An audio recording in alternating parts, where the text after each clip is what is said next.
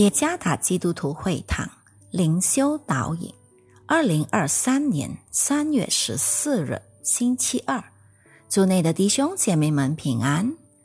今天的灵修导引，我们将会借着圣经哥林多前书第九章第九到第十节来思想今天的主题：尊重别人。作者房仁康传道。哥林多前书第九章第九节，就如摩西的律法记着说：牛在场上踹鼓的时候，不可拢住它的嘴。难道神所挂念的是牛吗？不全是为我们说的吗？分明是为我们说的，因为耕种的当存着指望去耕种。打场的也当存得粮的指望去打场。陆迪是一位企业家，他正面对职场工作上的困难。他向一位咨询顾问倾诉心声。他说，他的员工出了问题，不但工作效率低，而且上班总是迟到。他多年来都一直在抱怨这些事，他直接训斥过员工们，甚至还发出了严厉警告。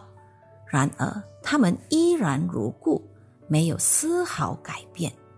咨询顾问建议他，与其纷争不休，不如专心营造健康的工作环境。这位企业家开始早上班。晚下班，尽量与员工们建立更密切的关系。最后，他终于成功了，员工们工作表现大大提高。他选择以人道的方式对待员工，给予适当的赏识，甚至提高员工的工资。不久，他的业务日渐。新生生产能力大幅提升。保罗引用《生命记》二十五章四节中的经文说：“牛在场上踹鼓的时候，不可拢住它的嘴。”接着改为反问句问道：“难道上帝所挂念的是牛吗？”其目的就是在加强语气。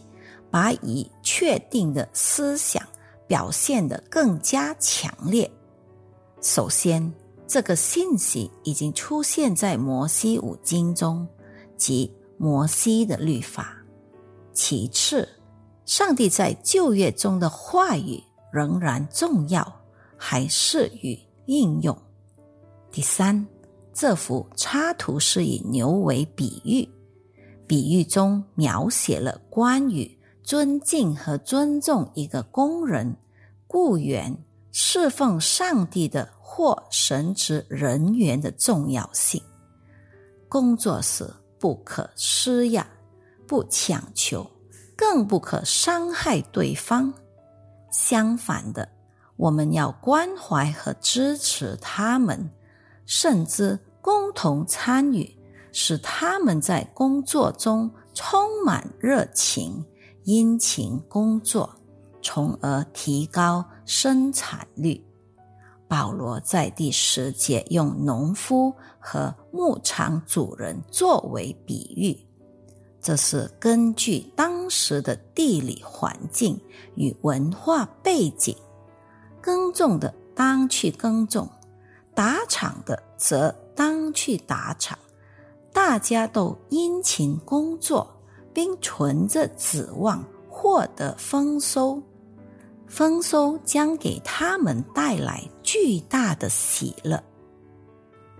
回顾一下我们之前提到的鲁迪的故事，让我们看到尊重并且尊敬同事的重要性。鲁迪选择采取建立个人关系来改变现状，而不是采取解雇的行动。鲁迪终于成功的改变了员工的工作态度和氛围。陆迪尊重他们，给他们应得的待遇，为员工们制造了一个新的氛围和舒适的工作环境。无论是在企业上，或者教会服饰的环境，甚至在任何地方，我们都必须关怀和尊重童工，支持和制造良好的工作气氛。神职人员当以为配受加倍的敬奉，不可阻挡他们应得的看待。参看提摩太前书第五章十七到十八节。关键是活出上帝的话语，建立彼此间的良好的沟通，以及和谐共处，彼此关怀。互相勉励以及和睦相处，远比仅仅讨论改进或相互起诉更为友善。愿上帝赐福于大家。